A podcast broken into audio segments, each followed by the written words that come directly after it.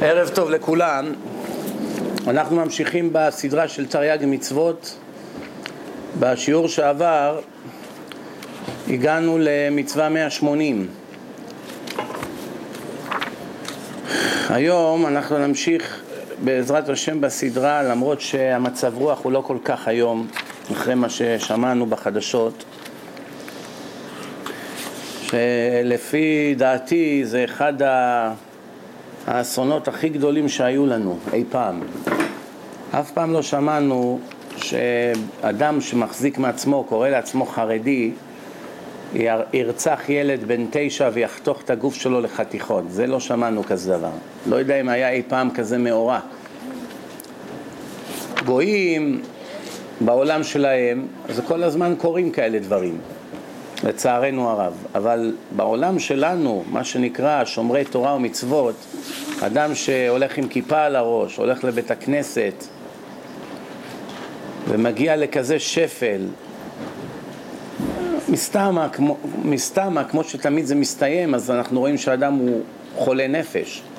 כי אדם בריא, אדם בריא בנפשו, הוא לא יכול לעשות כזה דבר. אף אדם נורמלי לא מסוגל לקחת גופה של ילד שהוא הרג ולחתוך אותו לחתיכות. גם בכלל להרוג, בכלל להרוג בן אדם זה מחלת נפש, אבל נאמר שאדם היה לו ריב, מכות, פחד על עצמו, הוא הרביץ ואחר כך מצטער, נו, עוד זה עוד אפשר להבין איך הוא עשה את זה. אבל כזה דבר שאחרי זה יחתכו את הגוף לחתיכות ויכניסו במקרר ויזרקו את זה באיזה מזוודה בפח אשפה, נורא ואיום.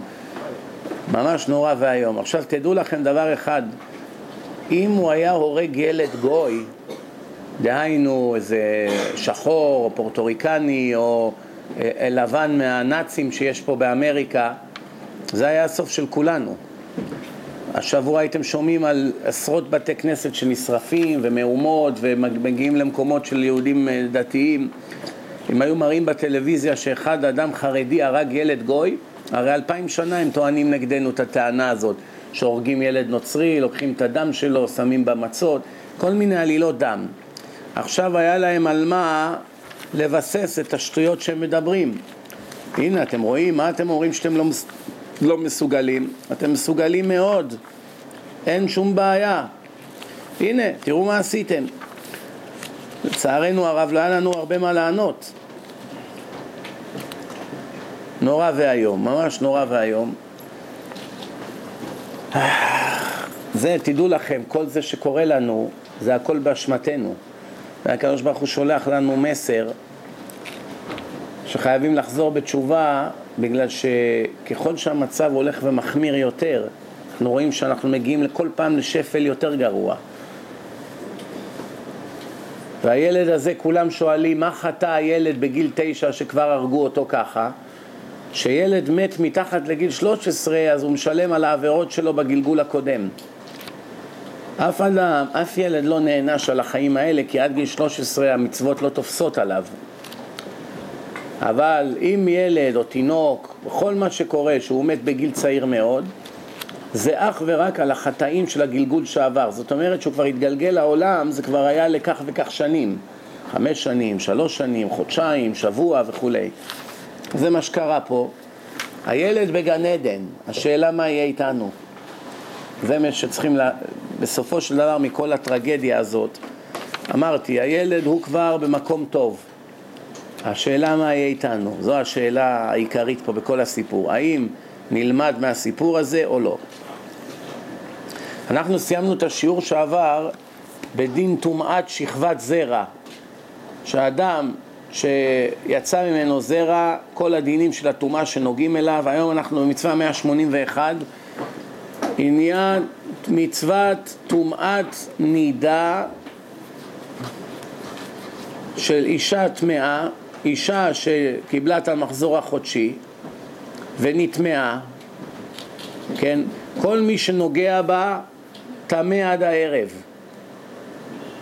אפילו אימא שלו נגע לה ביד, בזמן הטומאה, אחותו, אימא שלו וכולי, הטומאה הזאת קיימת עליו עד הערב.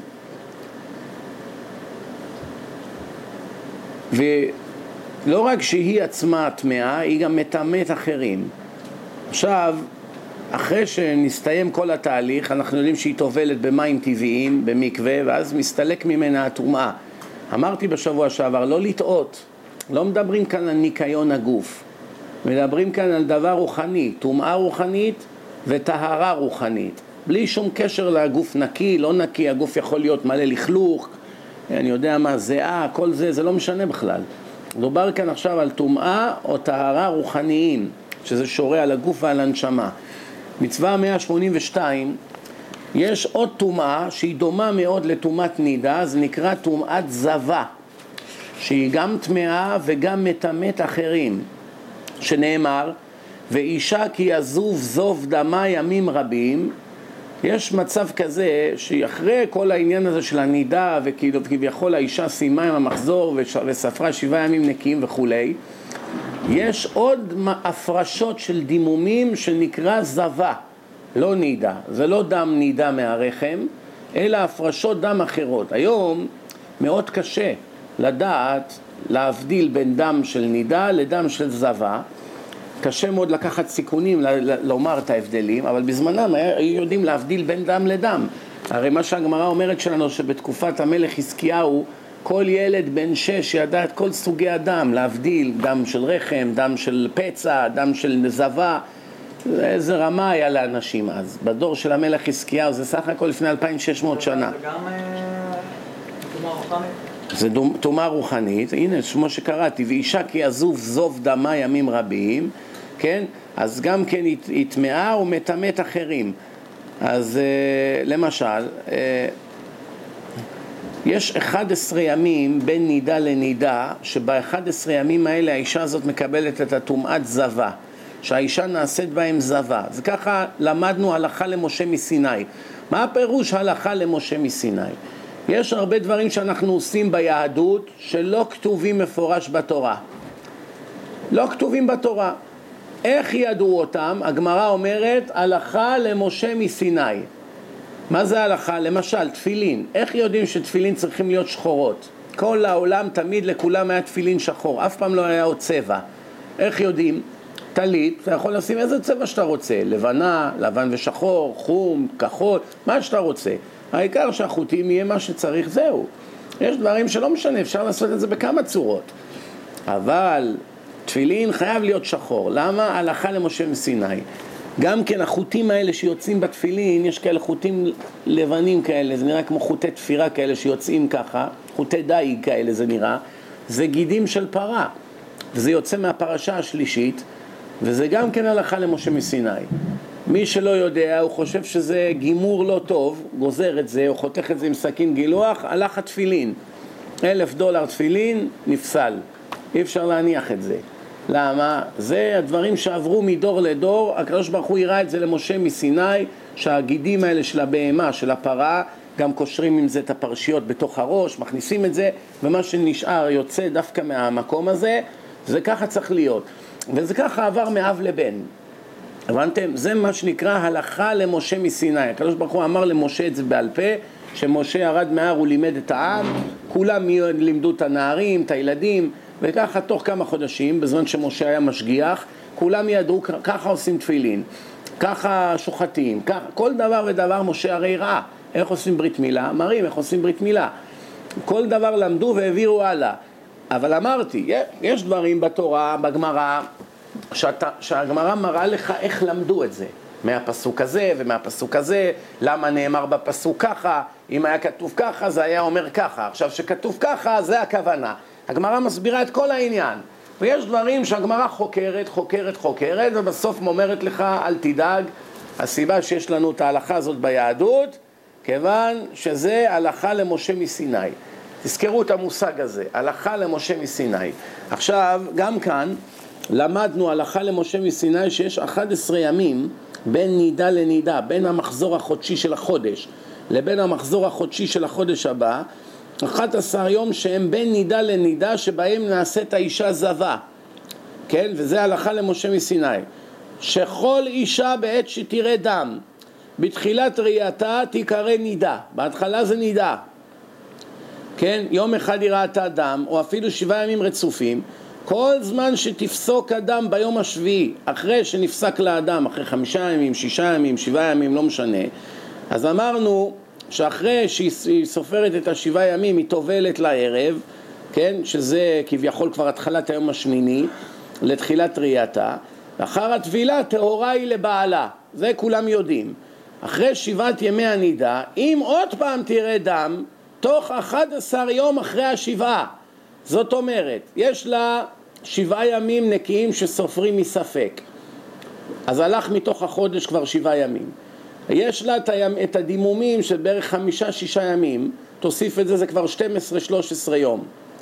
על זה יש עוד 11 ימים מהרגע שנהייתה תורה, זאת אומרת השבעה שהיא במילא ספרה נקיים, ועוד 11 זה 18 ימים מהרגע שהסתיים הדימום של הנידה עד שיכול לקבל דימום אחר שזה דם זבה. תזכרו את זה, זה רוב האנשים בעולם לא יודעים את זה. יכולים להיות זקנים עד הרצפה, תשאל אותם מה ההבדל בין נידה לזבה, לא יודעים. כן, הדם הזה נקרא דם זיווה. ואם אפילו היא רואה יום אחד, זה לא חייב להיות כמו בנידה, בנידה זה חמישה, שישה ימים, כן? אפילו יום אחד, בין שיהיה בתחילת הלילה או בסוף היום, משמרת יום אחד כנגדו וטובלת. לא צריכה עכשיו עוד שבעה ימים כמו בנידה. אם יש ספק, קורה שפתאום יש דם, אז מתחילים את הספירה מחדש של השבעה, בגלל שבאמת היא לא הייתה נקייה כמו שהיא חשבה. אבל פה רק יום אחד סופרים, עוד יום. זאת אומרת, היא עכשיו הלכה למקווה, היום היא סיימה את השבעה ימים אקסטרה, 12-13 יום בעלה לא נגע בה. עכשיו היא חזרה מהמקווה, היו יום יומיים ביחד, פתאום היא באה, רואה שיש לה עוד פעם דימומים. לא יכול להיות שזה נידה, כי הנידה היא כבר התנקתה לפני שבוע. היא ספרה שבעה ימים נקיים, אין נידה תוך שבועיים פעמיים, זה מחזור חודשי. לכן איזה סוג של דימום זה? זה דם זבה. ברגע שהיה הדם הזה, אז כמובן שבעלה אסור לה לגעת בה, ואז היא מחכה יום אחד אחרי שהפסיק הדם. יכול להיות שהאדם לקח יום, יומיים, לא משנה כמה שלקח. מהרגע שלקח, בשקיעת החמה היא בודקת שאין לה יותר דימום, ואחרי שראתה שאין דימום, מחכים עוד יום אחד מן הספק, לא עוד שבעה. ואחר כך היא שוב טובלת במים טבעיים, מה שנקרא מי מעיין, בימינו זה מקוואות שהם בתוך בניינים, כן? ואז היא טהורה לבעלה. וטבילתה אפילו ביום, זה בניגוד לטבילה של נידה שזה רק בלילה, טבילה כזאת מש, משתנץ החמה, מרגע זריק, זריקת החמה, זריחת החמה ומעלה, היא כבר יכולה ללכת. מה קורה אם היה לה דימום שני ימים? עד עכשיו כל מה שאמרתי, אם היה לה עוד פעם דימום ורק ליום אחד. מה קורה אם היה לה שני ימים? תפסוק בשלישי. כן, גם כן, כשנגמרו השני ימים, סופרת אחריהם יום אחד. כן, ואז היא נטערת וכולי. מה קורה אם יש לה. דם זבה, דם זיווה, שלושה ימים רצוף? גמרה את השבעה נקיים, הייתה יום יומיים עם בעלה, עוד פעם התחילה דימום, שלושה ימים רצופים. עכשיו היא נקראת כבר זבה גדולה. תזכרו, עד יומיים זה נחשב זבה קטנה, כאילו זיווה אבל לזמן קצר. משניים ומעלה, זאת אומרת היא נכנסה כבר ליום השלישי, שלושה ימים רצופים, זאת אומרת שניים פלוס, יותר מ-48 שעות. זה נחשב זבה גדולה ועכשיו היא צריכה לשב שבעה ימים נקיים. ואחר כך טובלת וטהורה לבעלה. ואחר אחר, אחר כך, אחר 11 יום אלו, אם תראה, אז עכשיו זה כבר דם נידה. הבנתם? זאת אומרת, בואו נתאר מצב. אישה עכשיו, היה לה חמישה ימים דימומים של נידה, כמו שקורה לה כל חודש. הסתיים הדם, היא בדקה, זה נקרא הפסק טהרה. היא בודקת היום בערב בשקיעת החמה, בערך חצי שעה אחרי שמתחיל הכוכבים לצאת, אין לה, אין לה יותר דימומים, אין כלום, אפילו לא טיפה של דם. עכשיו היא מתחילה לספור שבעה ימים. בסוף היום השביעי, שזה תחילת היום השמיני, מה שנקרא בלילה, שהחשיך בערך שעה אחרי שקיעת החמה, שכבר יש כוכבים בשמיים, פותחים את המקוואות. ואז היא טובלת והיא מותר לה להיות בעלה. אז כמה ימים אנחנו בתוך החודש? חמישה ימים של דימום ועוד שבעה ימים נקיים. סך הכל 12 יום. עכשיו היא חזרה הביתה, הייתה עם בעלה יומיים, הופ, שוד ושבר, עוד פעם דימומים. מה קורה עכשיו? אז עכשיו אנחנו כבר כמה ימים בתוך החודש? 14 יום, נכון? כי יש חמישה של הדימום, שבעה ימים נקיים שהיא שמרה מספק, לבדוק במאה אחוז, לכן שומרים שבעה ימים, טבלה זה כבר 12 יום. עכשיו הייתה יומיים עם בעלה בהיתר, הכל מאה אחוז, נהיה כבר 14 יום, בום, התחיל דימומים. יומיים דימומים. כמה אנחנו כבר? 16 יום. עכשיו היא צריכה עוד יום לשמור מהספק בגלל שזה עד 48 שעות, 17 יום. טובלת ואז היא מותרת לבעלה עוד 13 יום עד סוף החודש, עד שיתחיל המחזור של החודש הבא. אבל אם היה לה שלושה ימים דימומים, אז אנחנו עכשיו כמה ימים בתוך החודש? 17, 17 יום. ועוד שבעה ימים נקיים, 24 ימים. כמה נשאר? שישה ימים בערך להיות ביחד. זה באישה נורמלית, לא נורמלית בראש, בגוף, שקורא לה מחזור חודשי אחת לשלושים יום, פעם בחודש. זה חוזר כל הזמן על אותו יום בחודש. או כל שלושים יום, או כל שלושים ואחד יום, או שנופל תמיד בראש חודש וכולי. יש כזה דבר שזה פעם בשלושים וחמישה ימים, זה לא ממש שלושים יום. אז כביכול בעלה יש לו עוד כמה ימים עכשיו להיות איתה עד המחזור הבא. יש כאלה נשים שזה לסירוגין, פעם שלושים יום, פעם שלושים וחמש, פעם שלושים, פעם שלושים וחמש. ויש נשים שזה לא סדיר, כל פעם פעם אחר, פעם שלושים, פעם שלושים ושתיים, פעם עשרים ותשע, פעם שלושים ושמונה, כל פעם משהו אחר. זה הרבה גם תלוי בלחצים נפשיים של האישה. למשל יש לה צרות ודאגות ולחצים, או שהיא לא נכנסת להיריון, היא בלחץ, או שיש לה ילד כמו המן שממרר לה את החיים והיא כל היום דואגת עליו, הוא לא רוצה להניח תפילין, מסתובב בלי כיפה, בלי ציצית, כמו גוי ברחוב. אז כל היום היא בדאגות. למה? היא אישה צדיקה והילד שלה כל היום כמו גוי, אז זה אוכל לה את הלב. אז עכשיו זה משפיע עליה על כל החיים. היא לא מתפקדת, היא, היא קוראת תהילים, היא לא יכולה להתרכז, בעבודה היא לא מרוכזת, היא עושה טעויות, היא גורמת נזקים לבוס וכולי וכולי. כל זה בגלל הנוער שיש לנו היום. כן, אין להם גרם של דרך ארץ, גם אם ההורים שלהם בסדר, הם בוחרים להיות פושעים ולהסתובב ברחובות עם כל מיני טיפוסים, 12, 1 בלילה, או יושב באיזה מקום, שלא לדבר על אלה שכבר מעשנים סמים ועושים כל מיני עבירות שאלה בכלל כבר איבדו בכלל צלם אנוש, אז זה מה שקורה היום. אז עכשיו אחת כזאת היא בלחצים. אז בגלל הלחצים כל פעם זה משהו אחר, זה יש כל מיני עיכובים. לכן, לצערנו הרב, היום כבר רבנים מיומנים, הם שואלים את האישה, יש לך לחץ נפשי? אם כן, אז אל תדאגי, את עוד לא בהיריון, זה לא בטוח, זה יכול להיות שזה מאחר בעשרה ימים וכולי וכולי. זה היה מצווה של נידה, של זבה, סליחה. המצווה 183, מצוות קורבן זבה כשתתרפא מזובה. בימינו אין בית מקדש. זבה של טבלה, גמרנו, מותרת לבעלה. אבל בזמנם, בסדר, מותרת מותרת, אבל חטא יש לך. איזה חטא? מהי השמה שהיה לה זבה? שימו לב, כשתקריב הזבה קורבן, כשתתרפא מזובה, שנגמר כל הזמן וחיכתה והכל, עכשיו היא מביאה שני תורים או שני בני יונה. תור זה סוג של יונה. ויש יונה שיש לה שני ילדים, שלוקחים מהבנים שלה, זה נקרא בני יונה צעירים, כן, שנאמר, בתורה כתוב, ואם טהרה מזובה, ביום השמיני תיקח לה שני תורים וכולי. מביאה אותם לבית המקדש, ואז ה... כל העניין הזה של הטומאה מתחפר לה, כן? אם היא, לא, אם היא עשתה הכל ולא הביאה את השני יונים האלה, היא נחשבת מחוסרת כפרה. יש הרבה פעמים מושג כזה ביהדות, מחוסר. מחוסר צידה, מחוסרת כפרה. מה זאת אומרת? חסר לה הכפרה הזאת, לא התחפר לה עדיין. או דוגמה אחרת, מחוסר צידה. מה זה מחוסר צידה? למשל, אני עכשיו, יש זבוב שמפריע לי בשבת. כל השבת מסתובב לך פה מעל האוכל, כל הזמזם לך באוזן, הורס לך את כל הכיף של הסעודה. מה עושים אנשים שהם לא שומרי מצוות? מביא מגבת, נותן לו על הראש, הורג אותו. אבל אנחנו, אסור לנו להרוג בשבת, אסור לצוד או להרוג. אז להרוג, נגיד שאנחנו יודעים שאסור, אז אנחנו לא הורגים. מה קורה? אני רוצה לתפוס אותו בתוך כוס, להפוך עליו את הכוס, ועכשיו כל השבת הוא יעוף בתוך הכוס כמו משוגע עד שימות. אני לא הורג אותו. יכול להיות שבמוצאי שבת אני אשחרר אותו. בינתיים רק שישתוק. אסור לי. למה? זה נחשב ציד. הגבלתי אותו ועכשיו הוא מוגבל במקום קטן. מה קורה אבל אם אני מבריח אותו ככה עם היד לחדר וסוגר את הדלת? הוא כבר לא בסלון עכשיו. הוא בתוך החדר שינה והוא יעוף שם עד מחר, מה אכפת לי? האם זה נחשב שצדתי או לא, או, אותו או לא? התשובה היא לא.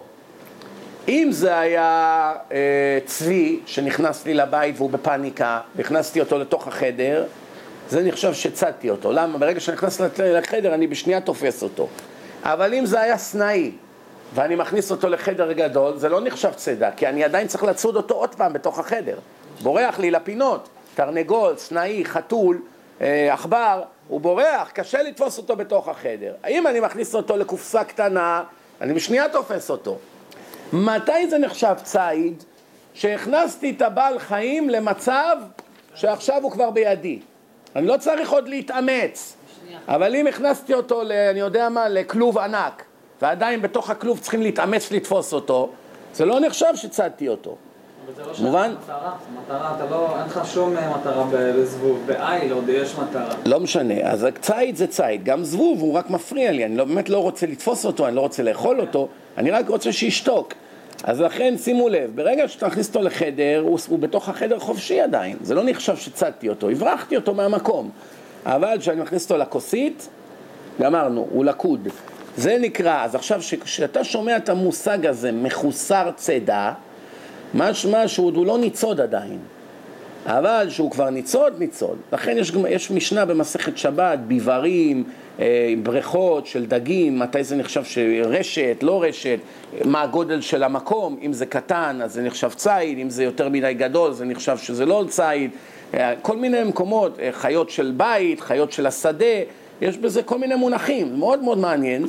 כשאתה מתחיל ללמוד את זה אתה רואה על העולם הרבה דברים, אבל זה לא הנושא שלנו כרגע, עוד נגיע לזה. בכל אופן זה היה העניין להסביר מה זה מחוסרת כפרה, שעוד לא התחפר לה בגלל שהיא עוד לא הביאה את השני בני יונה האלו. מצווה 184 שלא ייכנסו הכהנים בכל עת במקדש וכל שכן זרים. בית המקדש זה לא של אבא שלך, זה שייך להשם. זה שיש לך רשות לשרת בקודש בגלל שאתה מצאצאיו של אהרון הכהן, זכית להיות כהן ואתה נכנס במשמרת שלך ומשרת, הכל מאה אחוז. אבל עכשיו בא לך ללכת סתם, לשבת שם, לא יודע, לאכול, לא יודע מה, סתם לנוח, מביא איזה מזרון, רוצה לישון בתוך בית המקדש. לא יודע, יורד גשם בחוץ. זה לא, אין כזה דבר. אפילו בית כנסת בימינו אין רשות סתם להיכנס. לא פשוט, אם נכנסים צריכים להגיד איזה מזמור תהילים, איזה, איזה משנה, משהו. כי זה, או למשל אתה רוצה לקצר, להיכנס מהצד הזה של בית הכנסת, לצאת מהדלת האחורית, שזה הצד השני של הרחוב. במקום שאתה רוצה להכניס לך, זה לא פשוט, בית כנסת זה לא פרוזדור, או שאתה רוצה להחביא את הכלים שלך שם, או להתחבא מפני הגשם, זה לא כל כך פשוט. אפילו להיכנס לקרוא למישהו מתוך בית כנסת זה בעיה. כי אתה צריך כביכול להשתתף לפחות דקה בתפילה, שנחשב שנכנסת עבור התפילה ולא עבור צרכיך האישיים. גם בזמנם, איך נכנסים עם המקל, או בימינו חייל צה"ל שיש לו נשק והוא רוצה להתפלל מנחה, מותר לו להיכנס עם הנשק או אסור, או עם האופניים שלו, או בימיהם היה להם בהמות, כל מיני דברים כאלה, יש לזה הלכות שלמות. כבוד בית הכנסת, האם מותר לירוק על הרצפה או לא, מותר לישון שם, האם מותר לנמנם, אפילו נמנום קל אסור בבית כנסת. להוריד את הראש לרגע לנמנם אסור. אסור לדבר מילה אחת של דברי חול, אפילו לא בזמן התפילה. התפילה כבר נגמרה לפני שעה, כולם הלכו הביתה, אתה עכשיו שבת 12 בצהריים, כולם כבר אוכלים חמין. אתה עוד יושב בבית הכנסת, למדת קצת, בא איזה מישהו, מתחילים לדבר עכשיו על המלחמה. שמעת מה קרה? ארצות הברית הפציצו בעיראק, וככה קרה, ותפסו את הערבי ההוא. מי אמר שמותר לדבר על זה בבית הכנסת? אז אתה אומר, אני לא מדבר בזמן התפילה, אני מקפיד. אסור בתוך הבית הכנסת, אולי צריך לצאת למסדרון, ללובי, יש בזה דינים. קל וחומר בית המקדש, שזה המדרגה הכי גבוהה. תדעו לכם, הקדושה של הר סיני אינה קיימת היום, פקעה. אתה הולך עם הכבשים שלך על הר סיני, הכבשים שלך עושים צרכים, גללים, אין קדושה בהר סיני היום. היה בזמנם ונגמר. אחרי שקיבלו את התורה, ירדו, הסתלקו משם, נגמרה הקדושה. קדושת בית המקדש קיימת לנצח. איפה שיושבים הישמעאלים, כן, בתוך המסגד שמה, זה שם היה בית המקדש. ליהודי אסור לעלות לשם. כל היהודים שעולים לשם לטיולים, הם מסתכנים באיסור כרת, שאסור בכלל להיכנס לשם. במיוחד זר, שבכלל מלכתחילה אין לך רשות להיכנס לשם. מה, אתה כהן? וגם כהן, כמו שראינו, אסור לו להיכנס לשם. עכשיו ישראלי עולה לשם, הוא הולך במקום שהיה קודש הקודשים, איסור כרת. אם אתם זוכרים, האינתיפאדה התחילה שאריק שרון נכנס לשם. עלה לשם, big deal, אז מה קרה? אז אריק שרון עלה לשם, מה הוא הלך להילחם איתם? מה הוא הביא איתו צבא? הוא רק נכנס עם איזה קבוצה של אנשים. התחילה האינתיפאדה. למה? הקדוש ברוך הוא הביא עלינו את הצרה הזאת. מאות הרוגים, צרות, בעיות, כל העולם נגדנו, על מה? קבוצה של יהודים, במיוחד זה שמייצג אותנו, למרות שהוא גוי, הוא במוצא שלו גוי, אבל אף אחד לא ידע את זה, בעולם חושבים שהוא יהודי, הוא מייצג את היהודים גם. אז כולם נכנסו לשם והתחילה האינתיפאדה. מי שמכם לא מבין למה הוא גוי, אימא שלו היא ורה, גויה מרוסיה, שהיא באה לארץ יחד עם אבא שלו, ואבא שלו גייר אותה גיור רפורמי, שזה לא שווה כלום, והוא נולד גוי. נולד גוי, כן? הלאה, מצווה 184, שלא ייכנסו הכהנים בכל עת, אמרנו, בכל עת במקדש וכל, וכל שכן, שאומרים כל שכן, משמע אם זר נכנס זה עוד יותר גרוע. מצווה, מצוות קפה, קפ"ה, 185, מצוות עבודת יום הכיפורים, שיעשה כהן גדול כל מעשה יום הכיפורים על הסדר, קורבנות, וידויים, שילוח השעיר, כל פעם שאומרים את המילה לעזאזל, אף אחד באמת לא יודע מה הוא אומר, אז אולי הגיע הזמן ללמוד. היה בזמנם שני קורבנות, קורבן אחד להשם, קורבן אחד לעזאזל. זה של העזאזל, זורקים אותו מצוק והוא מת, וכל החטאים של עם ישראל מתים יחד איתו. זה נקרא שעיר המשתלח. לאן שולחים אותו? איך אומרים בעברית? לאלף עזאזל. אבל אין אלף עזאזל, יש עזאזל אחד. עזאזל מקום של מוות, כן? לכן, כשאתה אומר לבן שלך לך לעזאזל, קח בחשבון שהוא יכול למות בגללך מחר. למה? כי אתה מקלל אותו, ולפעמים הקללות האלה תופסות, כן? ושאר העבודה, כל מה שהכהן עושה, שנאמר, בזאת יבוא אהרון אל הקודש. ואז מתחילה התורה לתאר את כל עבודת הקודש, זה מצווה 185. מצווה 186, שלא לשחוט קודשים מחוץ לעזרה. יש מקום בבית המקדש שנקרא עזרה. יש קורבנות, כמו שהסברנו בשיעורים קודמים, שנקראים, מה הם? נקראים קודשים. כל הקורבנות האלה של קודשים יש להם קדושה, אסור לשחוט אותם מחוץ לעזרה. אם אתה שוחט את זה ברחוב ורוצה להביא את זה, כן, אסור. וצריך לשחוט את זה כבר בתוך בית המקדש, בחדר הזה שנקרא עזרה. שנאמר, אשר ישחט שור או חסב או עז וכולי, ואל פתח אוהל מועד לא הביאו. דם שפך ונחרט, לא עלינו, כן? ומה התורה אומרת? שמזהירים אותו שאסור לעשות כזה דבר, ואם הוא ממשיך, השם ירחם. זאת אומרת, זה היה מצווה 186. מצווה 187, מצוות כיסוי אדם. אחרי שזופחים חיה או עוף, לא בהמה, לא מדובר על פרה, לא מדובר על כבש, מדובר כאן על חיה, למשל צבי. צבי זה חיה, שחטת צבי, צריכים לכסות אדם. שחטת תרנגול, צריכים לכסות אדם. שחטת פרה, לא צריכים לכסות אדם. למה? זה לא מציאותי, יש טון של דם, יש לזה כמה סיבות, בואו נראה. שנאמר בתורה כי יצוץ את חיה או עוף, לא בהמה, חיה או עוף, אשר יאכל, שמותר לאכול אותם, לכן אמרתי צבי שהוא כשר, ושפך את דמו וכיסהו בעפר. האמת, הסיבה היא לא בגלל שיש הרבה דם, בגלל שיש עניינים פה של גלגולים, הדם הוא הנפש. בחיות הקדוש ברוך הוא מחליט באיזה חיות לגלגל איזה אנשים. יש אנשים רשעים שבמקום ללכת לגיהנום מגלגלים אותם בחיות. יש כאלה שמגלגלים אותם בחיות מאוד, כלב, נחש, עורב, לא עלינו, זה ייסורי מוות, יותר גרוע מגיהנום. הנפש של היהודי סובל, הנשמה של היהודי מדביקים אותה לנפש של כלב, הוא סובל ייסורי מוות. כל התקופה הזאת שהוא בתוך הגוף של הכלב.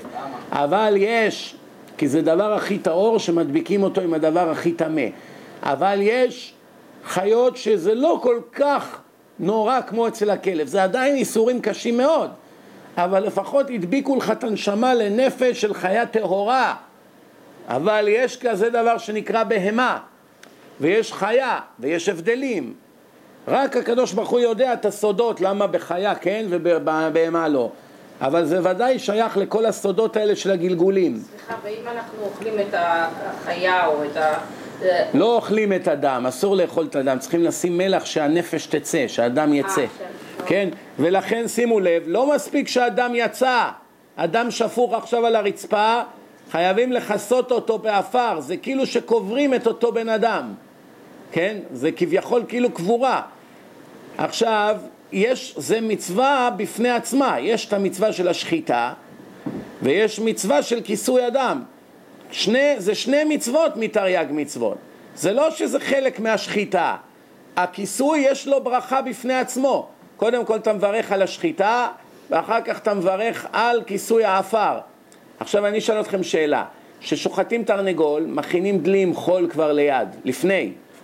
לא קודם כל שוחטים ועכשיו מחפשים מאיפה נביא חול. חייבים מיד לכסות את הדם. לפעמים השוחט הוא השוחט, הוא עושה מצוות שחיטה, וזה שעומד לידו מחזיק את הדלי של הזה, ואז הוא מברך ומכסה. כל אחד מהם עשה מצווה אחת.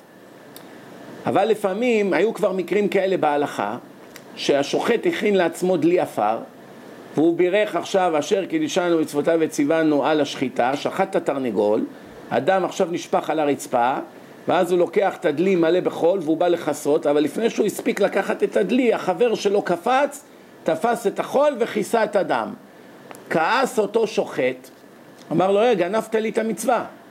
אומר לו, אז מה, מה אתה עושה big deal? אומר לו, מה, מה אתה מדבר? אני לוקח אותך לד... לבית דין. גנבת לי את המצווה, אני תובע אותך. לוקח אותו לדין תורה, מה הפסק? הגנב שגנב את המצווה צריך לשלם לו עשרה זהובים, המון כסף. זה בערך מה שעולה אוטו היום, מכונית, מכונית חדשה. איך אני יודע? כשאדם מתחתן ומגרש את אשתו, כתובה ממוצעת כמה אדם צריך לתת לאשתו כדי שיהיה לה מספיק לחיות ולפרנס את עצמה. 200 זוז. שומעים? 200. פה זה 10. זאת אומרת, 1 חלקי כמה מתוך 200? כמה זה 10 מתוך 200? 5 אחוז. זאת אומרת, מה שנותנים לאשתך פיצויים על השנות נישואים, אולי הגזמתי קצת, במקום מכונית, אולי אה, אופנוע, וספה, כן? אבל זה דבר יקר. זאת אומרת, מה, מה רואים כאן? שהוא משלם לו עכשיו הרבה כסף על זה שהוא גנב לו את המצווה. זה לא צחוק לגנוב לאדם מצווה, כן? Uh, בימינו אנשים לא טובים אחד את השני על גנבת מצוות, כי במילא אף אחד לצערנו לא אכפת לו מהמצוות. אבל בזמן שולחן ערוך, מי שגנבת לו את המצווה, הוא, וואי, אם הוא היה יכול להרוג אותך, היה הורג אותך. ואם באמת מישהו גונב מצווה ממישהו, בן אדם שני, לא טובים אותו, אבל הוא גנב. כן, הוא נחשב... מה קורה בשמיים? הוא נחשב גזלן שגנב, אלא אם כן ההוא התיר לו, אבל אסור לגנוב. אלא אם כן זה היה בשוגג, הוא לא ידע שהוא גונב מצווה וכולי, כן? מצווה 188, שלא להתעדן באחת מכל האריות. למשל, יש כזה עבירה שנקרא גילוי עריות. מה זה גילוי עריות? אם אדם עושה ממש עבירה עם אישה שהיא אסורה עליו, אחותו, אימא שלו, דודה שלו, כל מיני איסורים שכתוב בתורה שאסור. זה ודאי איסורי כרת נוראים, עם הגיהנום הכי קשה שיש. אבל לא רק ממש עבירה, גם חיבוק ונישוק זה עבירות חמורות מאוד. צריכים לדעת את זה. למשל, אישה נשואה, אשתו של חבר שלו, כן? היא עכשיו אסורה עליו, כי יש את איש. זה נופל בעבירות האלה, בקטגוריה הזאת. והוא עכשיו רק חיבק ונשק אותה, כמו שהיום נהוג אצל כל הפלגמטים שיש בארץ, שבאים, מה, מה, how are you, מה שלומך, מה, התגעגענו וזה, והוא מנשק את אשתו של ההיא, וההוא מנשק את אשתו, וכולם מנשקים את כולם, ואחר כך כולם יהיו באותו בור, לא רוצה להגיד לכם איפה, על כל הנשיקות האלו. זה מבורות, לא שזה אנשים רעים, זה פשוט, מה שאני אומר פלגמט, הכוונה בור, אין לו שום ידע. אז מה קורה? זה מאוד מאוד נהוג אצל עדות המזרח, כולם מנשקים את כולם. וזה איסורים, וזה לא סתם, זה איסורים מדאורייתא. אז בואו נראה. אפילו בלא ביאה, לא שממש קיימו יחסים, כגון חיבוק ונישוק וכל הדומה לאלו, שמעמיקים בהם בעלי הזימה, כל מיני פעולות שגורמות לאנשים לערער, הוא, זו אישה יפה, הדודה שלי וזה, וריחות ופסמים, ו... ומתקרב אליה, וכבר מרגיש את חום גופה וכולי. שנאמר וילכו אחריה הבל ויהבלו, שנאמר איש איש, איש איש את, אל כל שאר בשרו לא תקרבו לגלות ערווה, אפילו להתקרב אסור, אפילו אשתו בזמן הנידה, שומעים? שום קרבה אסור, וכל אלה שמתקרבים עוברים על איסור מן התורה. יש עוד כמה דברים, קריצות עיניים בין בחור לבחורה, צחוקים, בדיחות, מתבדחים, מה שנקרא ידידים, בימינו ידידים, כן? איסור מהתורה זה. כל פעם שהוא סיפר לה בדיחה והיא צחקה זה כמו שאכל חזיר, כי זה מקרב בין הלבבות ביניהם. מה גורם לאישה שהיא נמשכת לגבר? אחד הדברים זה חוש הומור. I love him. He have such a sense of humor, רביי. מה גרם לה להתקשר אליו? כל הבדיחות האלו. אפילו שזה בדיחות נקיות, שלא לדבר על בדיחות גסות, זה כבר עוד עבירה, שזה ניבול פה, כן? אפילו אדם מכוון ליהנות מאצבע קטנה של האישה. מסתכל על האצבע הקטנה, אומר וואו איזה אצבעות יש לה, כן? שומעים? אסור, חוץ מאשתו, אשתו מותר לו ליהנות, אין לו בעיה, מותר להביט ביופייה של אשתו אפילו שהיא נידה אבל הוא יודע, כי הוא יודע את הקו האדום כבר, זה כבר ללכת לגעת, זה כבר, כן? ואסור להסתכל על שיער אישה, גם כן זה מושך, שערות, תסרוקות, כל מה שנהוג בימינו, שלא, שלא ילבישנו, שלא ילבשנו יצר הרע. אסור ליהנות משירים של אישה, מקולה, אפילו שהיא מדקלמת איזה משהו, ואיזה קול נחמד, כן, כל הדברים האלו. אסור להסתכל בבגדים של אישה שהם תלויים על החבל. למה? זה מביא הרהורים. עובר ברחוב, רואה איזה חזייה תלויה על החבל. מה זה ישר גורם לו להרהורים? רואה, אני יודע מה, לבנים, בגדים, אני יודע מה, פיג'מות, כל מיני דברים. אה, אה, אה, ג'ינסים, חצאיות, לא יודע מה, זה כבר גורם לו להרהורים על אותה אישה, במיוחד אם הוא מכיר אותה, כן? אתה יודע מי גרה שם, כן? כל זמן שמכיר את האישה הלובשת אותן, שמתוך ראיית המלבוש יבוא להרהר בה באותה אישה, ואם היא אשת איש עוד יותר גרוע, שהיא כבר שייכת למישהו, אסור אפילו לערער עליה, כן? ואסור בכלל אפילו לשאול בשלום אשת איש. כמה שפחות לדבר עם נשים נשואות בכלל. מה זאת אומרת לשאול בשלום? לא, לא אסור להגיד שלום, מותר להגיד שלום. שלום, עוברים, שלום. אבל כבר, מה שלומך זה כבר בעיה. מה שלומך גברת כהן? מה העניינים? איך הבריאות? איך הולך לך בבית? מה חדש אצלך בעבודה? מה זה עניינך? מה זאת אשתך? מה זה אימא שלך? מה עכשיו אכפת לך מה שלומה ומה ואיך היה בדיקת דקטר שלה? מה זה עכשיו כל הדברים האלה? מזה מתחילים כל הקלקולים. אפשר להציע לך אה, טרמפ? ככה זה מתחיל. אם זה משפחה? תלוי מי במשפחה. אם זה אימא שלו, מותר.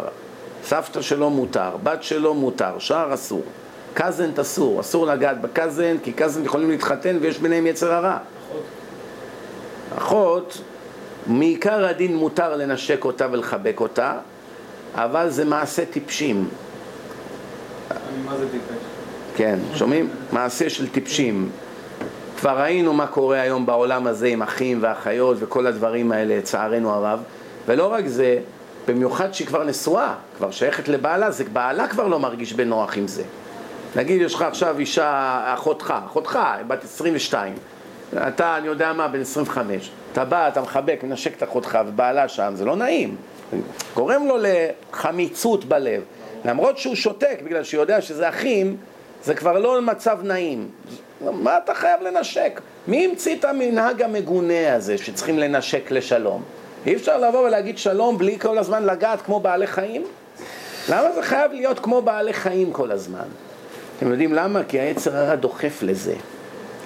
כל הזמן, הנה הנה, תגידו שלום, וואו, הבאתי סרט, בואו נשב לראות, כן, וכולי וכולי. טוב, מצווה הבאה, מצווה 189, שלא לגלות ערוות אב. אדם אסור לו לראות את אבא שלו בלי בגדים, לכן אסור לו להיכנס אליו לחדר שינה, אלא אם כן הוא דפק בדלת וקיבל רשות. אסור לו להיכנס למקלחת, איפה שאבא שלו משתמש. שומעים, אם הוא יודע שהוא לא בבית זה משהו אחר, אבל הוא צריך משם משהו, כן, אבל כשאבא שלו שם הוא צריך, להת... הוא לא יכול ללכת עם אבא שלו ביחד למקווה. אחד נשאר בחוץ, אחד הולך בפנים, כשאחד יוצא, השני נכנס. לאן זה יכול להוביל? מה הסיבה? לא, זה לא כבוד, זה לא צנוע, לא, זה לא כבוד. שנאמר, ערוות אביך לא תגלה. ויש עוד כאן איסור שהוא יותר חמור, שממש עושים עבירה. זה כבר מחלת נפש, יש כאלה חולים בעולם, שבין ההורים לילדים יש כל מיני דברים שאסור, אבל ברגע שעושים כזה דבר, התורה אמרה, ערוות אביך לא תגלה אביך ממש, כן? אז הגמרא שואלת, למה לא לומדים את זה ממשכב זכר? הרי יש איסור של עבירות בין אה, זכר לזכר, למה צריך לכתוב? כן? הגמרא אומרת, כדי לחייב אותך על שתי עבירות שונות, להכפיל לך את העונש. ברגע שאדם עשה את העבירה הזאת, אז יש לו קודם כל משכב זכר, ועל זה עוד ערוות אביך לא תגלה, אומרים, אם קיבלת חמישים שנה בגיהנום על העבירה הראשונה, זה עכשיו נהיה מאה. למה? כי זה כבר מחשיבים לך כאילו עשית שני עבירות בשני ימים שונים. ואז אתה צועק, רגע, אבל זה היה פעולה אחת. פעם אחת בחיים, פעולה אחת. למה אתם מענישים אותי כאילו עשיתי את זה פעמיים? פעם על זה ופעם על זה. יש הרבה פעמים בתורה שזה חוזר. חילול שבת, כמה פעמים זה בתורה? 12 פעמים. 12 פעמים, כן? וכולי. מצווה 190, שלא לגלות ערוות אם. כל מה שאמרנו על האב, אותו דבר על אמו. מצווה 191. דרך אגב, אם זה עוד בעיה, שאם היא גם הייתה נידה, אז יש לו עכשיו גם את העבירה של גילוי עריות, וגם עוד איסור כרת של נידה, שני איסורי כרת. אחד זה העבירה וגם נידה. שומעים? למשל, אדם הלך עם בחורה חילונית רווקה. רווקה. עכשיו שעשה את העבירה, הוא עושה איסור מהתורה, לא תהיה קדשה בבנות ישראל. שהוא חילל את, את, את קדושתה של אותה בת ישראל. יש כאן כמה עבירות. עבירה אחת זה עצם העבירה שהם עשו. זה איסור מהתורה בשבילו ובשבילה. אחר כך יש כאן חוטא ומחטיא, שהוא גרם לה על ידי הפיתויים שלו והחיזורים שלו לחטוא. אז הוא גם נענש עליה. זה כבר שניים. ויש עוד איסור שגם כל הרווקות הן נידות.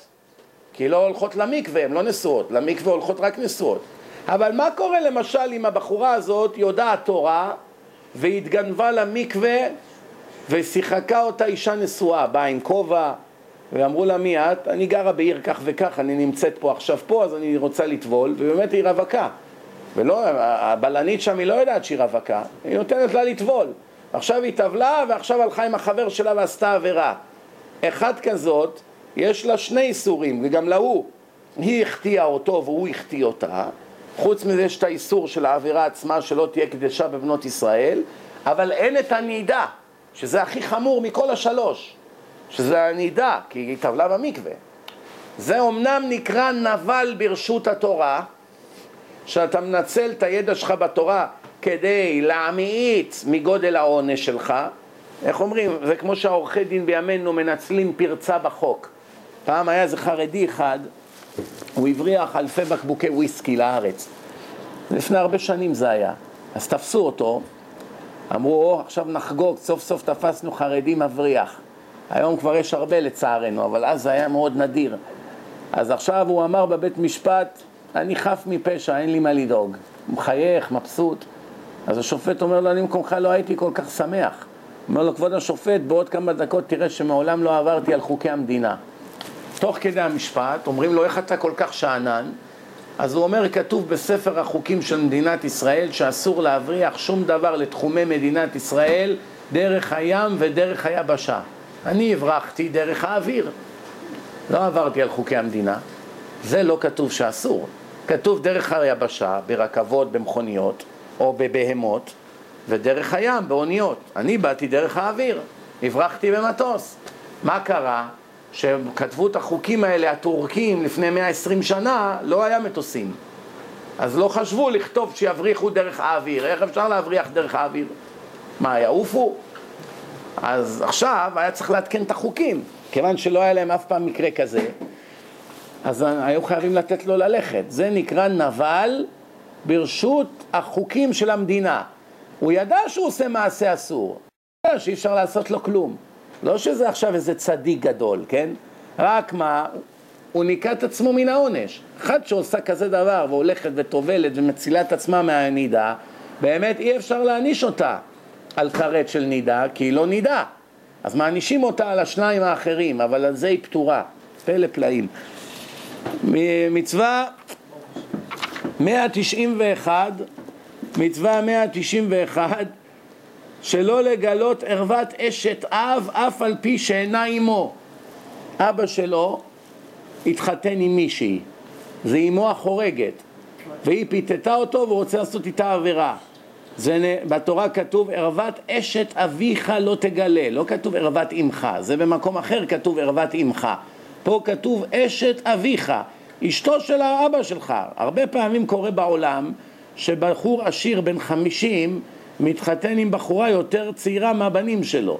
הוא יש לו בנים בני שלושים, ועכשיו הוא הכיר מישהי בת עשרים וחמש, והיא הלכה איתו עם הכסף, כמו שנהוג היום, ועכשיו אשתו של אבא שלך יותר צעירה ממך. וכמובן שהיא הולכת עם אבא שלך רק בשביל הכסף שלו, היא לא סובלת אותו באמת, אז היא מחפשת לעשות עבירות. אז היא מתחילה להתעסק, כמו שנהוג מאוד אצל הגויים ובעולמות האלה שהשם ירחם, וזה איסור מהתורה. שומעים? איסור גמור מהתורה, איסור חמור מן התורה גם, לא סתם. מצווה 192, שלא לגלות ערוות אחות בכל צד שהיא אחות. כל מי שהיא אחותך אפילו למחצה, רק מצד האבא, רק מצד האימא וכולי, כן? אתם אחים חצי אחים, זה אחותך מהתורה, ואם חס וחלילה קיימת את היחסים, עברת על גילוי עריות. מהחמורות בתורה, ואמרתי לכם, כל עונשי העבירות מין הם העבירות הכי חמורות בתורה, והעונשים עליהם הם בל ישוער ובל יתואר. אי אפשר לדמיין, מי שיקרא במסכת גיהנום מה עושים על העבירות האלה, לא יאמין כמה זה חמור. לפני שאנחנו מסיימים, יש לנו עוד שלוש דקות, בואו נספיק עוד מצווה שניים. מצווה 193, שלא לגלות ערוות בת הבן. נכדה שלך, יש לך בן, נולדה לו בת. אתה בן uh, חמישים, הבן שלך בן שלושים, הבת שלו בת שש עשרה. 15, לא יודע, פעם היו מתחתנים מוקדם, צעירים. אז עכשיו הנכדה שלך, אתה בן 50, היא בת 15, ואתה אדם סוטה, ואתה כל היום רואה סרטים וטלוויזיה, מה שמראים בארץ, והיצר הרע התגבר עליך, ועשית עבירה. אם עשית את העבירה הזאת, זה נחשב גילוי עריות, כן? ערוות בת בנך לא תגלה. וזה היה מצווה 193. מצווה 194 שלא לגלות ערוות בת הבת. עד עכשיו מה זה היה? הבת של הבן שלך. עכשיו זה הבת של הבת שלך. הבת שלך נשואה לאיש זר ונולד לה בת, זאת אומרת עכשיו זה בת ונכדה. גם זה, התורה היא מאוד ספציפית, שלא יהיה לך ספקות לאיזה נכדה התכוונו פה, על כל, כל דבר ודבר זה איסור בפני עצמו, מתרי"ג מצוות. מצווה 195 196, סליחה, מצווה 196, אולי נגיע ל-200, זה מצוות קצרות, ככה נזכור שאנחנו במספר עגול. מצווה 196, שלא לגלות ערוות אחות מן האב. יש לך אחות מאותו אבא, לא מאותו אימא. אימא שלה ואימא שלך זה אימהות אחרות, אבל יש לכם את אותו אבא. את אח ואחות רק מאותו אבא. היינו חושבים, כיוון שיש להם אימא אחרת, הם לא ממש אחים, באה התורה להשמיע לנו שזה גילוי עריות לכל דבר, שנאמר, כן, אה, ערוות אחותך מן האב, כן, אסורה עליך, כן? ערוות בת אשת אביך לא תגלה, ערוות בת אשת אביך. זאת אומרת, אבא שלך התחתן עם אישה, ועכשיו נולד, נולד לו מהאישה הזאת בת. אתה בן של אבא שלך מאימא שלך מרים, היא בת של אבא שלך מאשתו רחל. זה משני אימהות שונות, אסור לך לגעת בה, לחבק אותה, כל הדברים האלה שמביאים לידי קירוב, וחס ושלום לא לשכב. מצווה 197 שלא לגלות ערוות אחות האב, דודה שלך. אבא שלך בן 40, אתה בן 20. אבא שלך יש לו אחות בת 19, האחות האחרונה במשפחה. כן? עד מתן תורה היו מתחתנים עם הדודות. זה אחד ההוכחות שלי בסרט תורה ומדע, שמראה לך שאת התורה שלנו לעולם אדם לא יכול היה לכתוב. שמשה רבנו, שאבא שלו ואימא שלו, אבא שלו התחתן עם דודה שלו, יוכבד. עמרם התחתן עם יוכבד. ואלה שרצו לטעון שמשה הביא את התורה, חס ושלום, שהוא נוכל, איך הוא יכתוב בתורה דבר נגד ההורים שלו, שכתוב ערוות דודתך לא תגלה דודתך היא, עד עכשיו היה מותר. ולא רק זה, אלפים מבני ישראל היו נשואים לדודות שלהם, ועכשיו כולם היו צריכים להתגרש. אז אדם שהוא נוכל, שרוצה להביא ספר מזויף, כדי, כיוון שהוא רוצה להשתלט על העם, הוא לא מביא מצוות שיעורר את חמתם עליו, שיכעסו עליו. הוא מביא מצוות שכולם יאהבו, לא מצוות שהם ישנאו אותי. אם אני רוצה להשתלט עליכם, מה אני אביא לכם? מצוות שתכעסו עליי? שתמרדו בי? שלא תסכימו לשתף איתי פעולה? או שאני מביא מצוות שכולכם תגידו לה אין שום בעיה, אנחנו איתך באש ובמים. דבר ראשון שאני אומר לכם, כולכם חייבים להתגרש. יריתי לעצמי ברגל, זה מה שקרה במתן תורה. והנה זה הציווי. ערוות אחות, אבי, ערוות אחות אביך לא תגלה. שומעים? אבא שלך יש לו אחות, יכול להיות שהיא אפילו יותר צעירה ממך. דודה שלך, היא אומרת what's the big deal? מה, קזנט מתחתנים, בני דודים, אז אני דודה שלך, אנחנו אותו גיל, גדלנו ביחד, אני אוהבת אותך, אני רוצה שתהיה איתי. אסור, זה איסור חמור, זה גילוי עריות, כן? אבל דוד מותר. דוד, היא להתחתן עם דוד שלה, אסתר התחתנה עם מרדכי, מרדכי היה דוד שלה. שומעים? דוד. אבל אתה עם דודה אסור. לא לטעות. כי אם פעם תתקלו במגילת אסתר, כי הרבה טועים, אה, אה, איך יכול להיות? מרדכי היה דוד של אסתר והתחתן איתה, לא לטעות.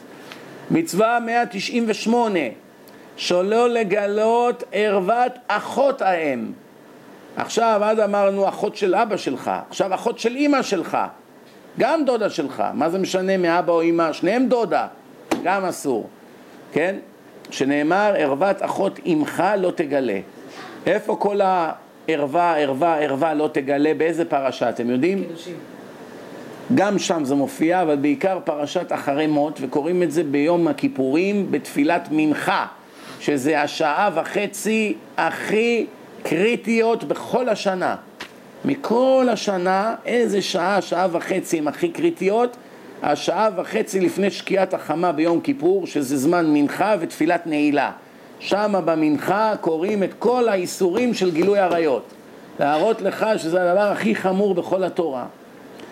מצווה 199, שלא לבוא על אחי האב. נגיד שעכשיו הוא הומוסקסואל, לא עלינו, שזה איסור של כרת בפני עצמו, שאין לו חלק לעולם הבא, ואבא, ש... אח של אבא שלו גם כן אחד כזה. שניהם הם התחילו להתעסק אחד עם השני ועכשיו רוצים לעשות עבירה. ברגע שהם שכבו ביחד, גם כן זה נחשב למעשה זנות, כן, אף על פי שזה היה מספיק לכתוב ערוות אה, משכבי זכר, לא, תועביים וזה וכולי, עדיין מזהירים אותך כאן, זאת אומרת, חוץ מההומוסקסואליות פה, שזה איסור כרת, עוד איסור יש לך עכשיו של גילוי עריות גם. היית אומר, מה ההבדל? זה, זה דוד שלי. מה ההבדל בינו לבין החבר שלי?